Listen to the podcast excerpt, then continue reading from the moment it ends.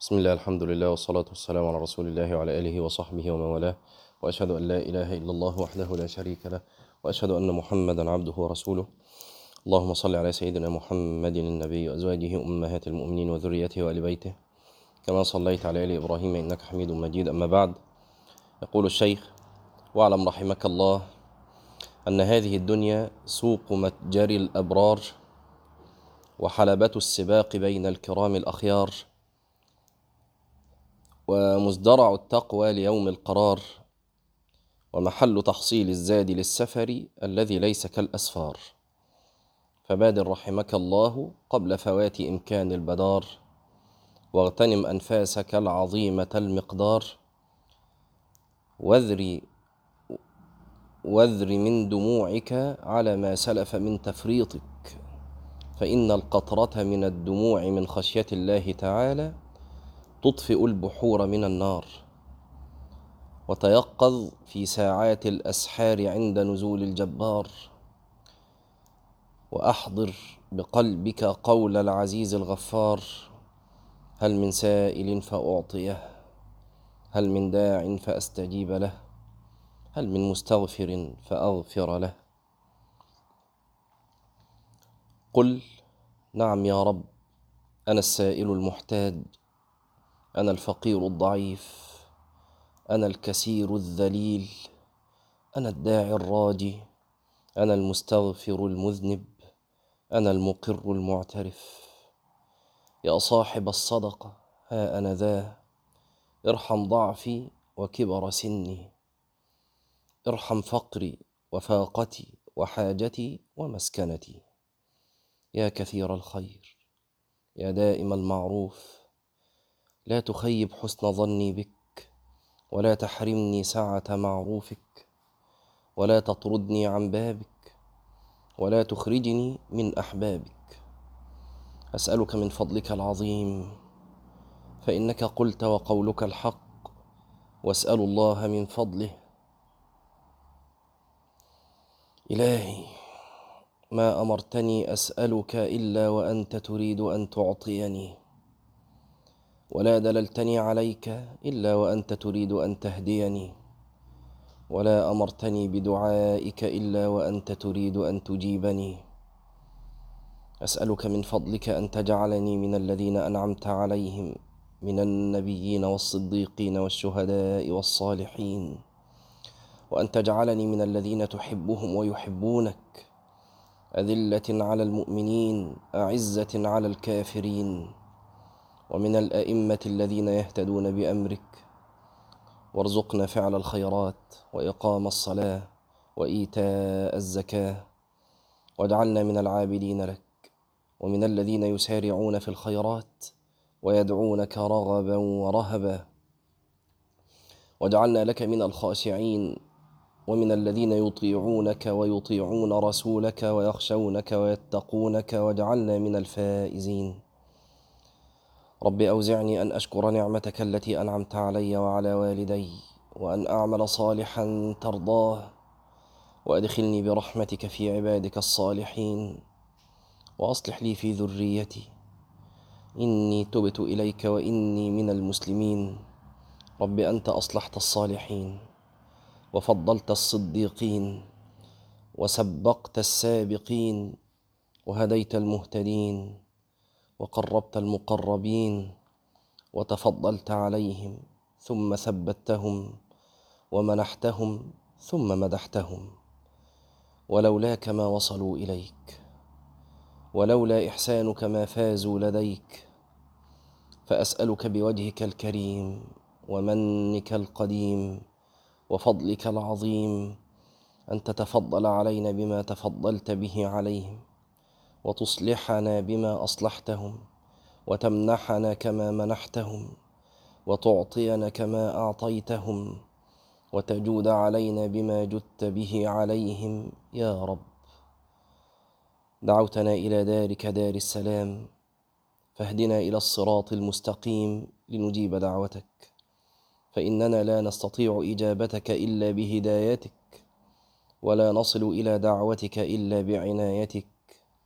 إلهي عممت بدعوتك وخصصت من شئت بهدايتك فاجعلنا من خاصتك ومن علينا بالتوفيق لإجابتك وأدخلنا في أهل ولايتك. يا رب أمرتنا بما لا نقدر على فعله إلا بك ونهيتنا عما لا نقدر على تركه إلا بتوفيقك ورغبتنا فيما لا نناله إلا بفضلك وحذرتنا عما لا نسلم منه إلا بجودك وكرمك. اللهم فوفقنا لامتثال أمرك واجتناب زجرك وأعطنا ما رغبتنا فيه وجنبنا ما حذرتناه. اللهم إنك سألتنا من أنفسنا ما لا نقدر عليه إلا بك. اللهم فخذ لنا منها ما ترضى به عنا يعني من أنفسنا. اللهم إنك أخذت بقلوبنا ونواصينا ونواصينا. فلم تملك فلم تملكنا شيئا منها. فإذا فعلت ذلك بهما فكن أنت وليهما واهدنا إلى سواء السبيل. قال أبو عبد الله النباجي سمعت بالنباج صوتا بالليل حزينا قلقا ينادي. يا حبيب من يجيب إلي يا حبيب من يحبب إليه.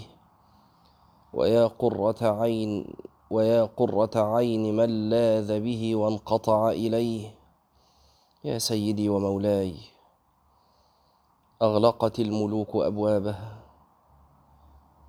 ووقفت عليها حجابها وخلا كل حبيب بحبيبه وقلوب العارفين تأبى إلا حبك والأنس بك وإني قد جئتك في هذه الليلة من غير إدلال بعمل ولا استحقاق لموهبة. يعني أتاه ودخل عليه سبحانه من باب الافتقار من غير إدلال بعمل لا يدل على الله بعمل فهو أصلا لا يرى لنفسه عملا ولا استحقاق لموهبة فهو إذ لا يرى لنفسه عملا فهو كذلك لا يرى نفسه مستحقا لشيء من العطيات ومن الهبات الواصلات وإنما يرى ذلك كله منة منه سبحانه وتعالى وتفضلا قال وإني أسألك أن تتفضل علي ولا تحرمني في هذه الليلة طيب مناجاتك وجزيل العطية من جزيل مجازاتك. قال فسألت عن ذلك فأخبرت أنها سلامة السوداء تعبد الله على التجريد. يعني هذا الصوت كان لامرأة. وتعبد الله على التجريد يعني تجردت عن الأغيار فهي لا ترى سواه. ولا آه، تلمح في فعلها إلا إياه. سبحانه وتعالى. وعن إسماعيل بن أبي خالد قال كان عندنا باليمن فتى مسرف على نفسه قليل الطاعة وكان ذا جمال ومال وكان اسمه سهلا فرأى ليلة في منامه كأن جارية أتته وعليها ثوب من لؤلؤ تتثنى أطرافه وبيدها كتاب من حرير أخضر مكتوب فيه بالذهب فأتته به فقالت يا أخي اقرأ لي هذا الكتاب فدفعته إليه فإذا فيه مكتوب أسهل من صاغها الرحمن في غرف من مسكة عجنت من ماء تشرين إلى الذي حبه في القلب محتبس وقلبه عنه وقلبه عنه في لهو وتفني وتفتين. أسهل ماذا فقد أورثتني حزنا أو أو أورثتني حزنا؟ كم عنك ما لا أحب الدهر يأتيني. يعني كأنها بتقول كأنها يعني إيه أعدت لسهل هذا. فبتقول قد أورثتني حزنا. كم عنك ما لا أحب الدهر يأتيني. يعني كل شوية تصل لها أخبار سهل فإذا هو مسرف على نفسه في المعاصي قليل الطاعة فهذا يحزنها. أليس تشتاق أن تلهو على فرش موضونة محور خرد عين قال فانتبه من نومه فزعا مذعورا وترك ما كان عليه من البطالة ولزم العبادة وتنسك أحسن نسك حتى مات على ذلك رحمه الله تعالى. كأن المعنى هنا أن كل شيء منه سبحانه وتعالى. فهذا كان في أشد الضلال وكان أبعد الناس عن الطاعة فغير الله حاله في ليلة. وغيره من غير داعية دعاه إلى الله ومن غير شيخ أتاه فأخبره عن الجنة والنار بل غير حاله من عند من عنده سبحانه وتعالى. وعن الحسن بن علي رضي الله عنهما قال رأيت أبي رضي الله عنه وقد جن عليه الليل بسواده وقد جن عليه الليل بسواده قابضا على لحيته بيمينه يعني علي بن أبي طالب رضي الله عنه. يبكي بعبرته ويندب بزفرته وهو يقول إلهي وسيدي وخالقي ورازقي ومحبي وممتني وباعثي ووارثي ما أنا وما قدري وما خطري عندك حتى تقصد قصدي بعقوبتك وتنحو نحوي بسخطك تريد عذابي؟ فوعزتك وجلالك ومجدك وإحسانك ما تزيد في ملكك حسناتي ولا تشينه سيئاتي ولا ينقص خزائنك غناي ولا يزيد فيها فقري. يعني كأنه يتوسل لله عز وجل بغناه عن تعذيبه و فيقول يعني تريد عذابي يعني ما تفعل بعذابي ما يفعل الله بعذابكم. لكنه إذ يتوسل إليه بغناه توسل إليه بغناه بعد أن أتاه تائبا متضرعا خائفا وجلا. قال اللهم ثبت رجاءك في قلبي حتى لا أرجو أحدا سواك. يا من تحبب إلينا بآلائه وتعرف إلينا بنعمائه. وكان لي في الأمور عند مسرتي إرحم اليوم عبرتي.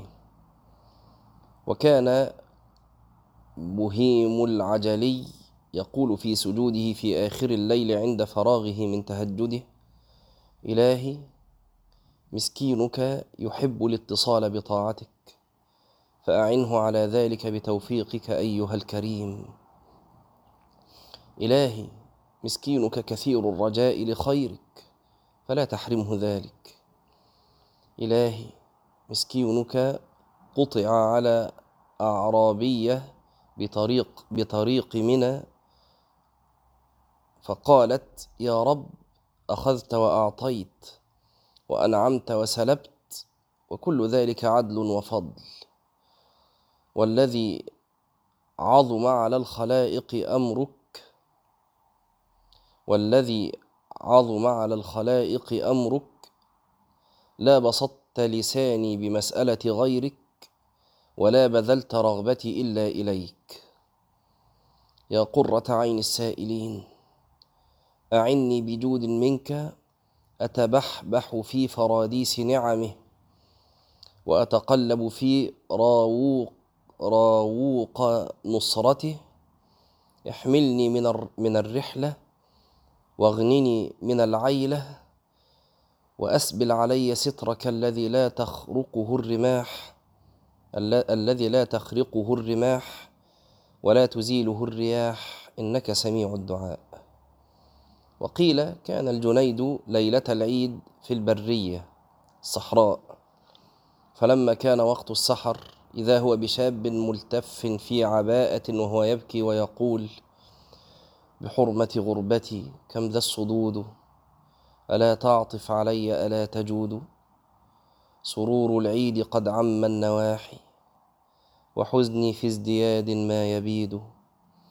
فإن كنت اقترفت خلال سوء فإن كنت اقترفت خلال سوء فعذري في الهوى ألا أعود.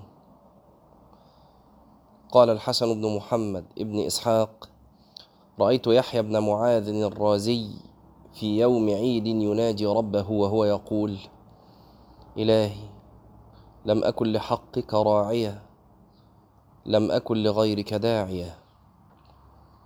إلهي لم أكن إلى الخيرات مسارعة لم أكن لباب البيعة قارعة.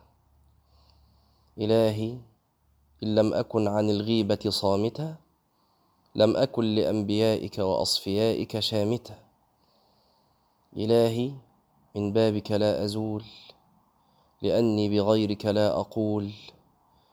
إلهي من بابك لا أبرح لأني بغيرك لا أفرح. إلهي عملي كسراب وقلبي من التقوى خراب. وذنوبي أكثر من التراب وأنت أولى بالعفو والصفح. فاغفر لنا وارحمنا بجودك وطولك يا ذا الجلال والإكرام. آخر الوصية قال دعا رجل فقال يعني كأنه يقصد نفسه والله أعلم. دعا رجل فقال اللهم إنك تعلم على إساءتي وظلمي. وإسرافي أني لم أجعل لك ولدا ولا ندا ولا صاحبة ولا كفوا.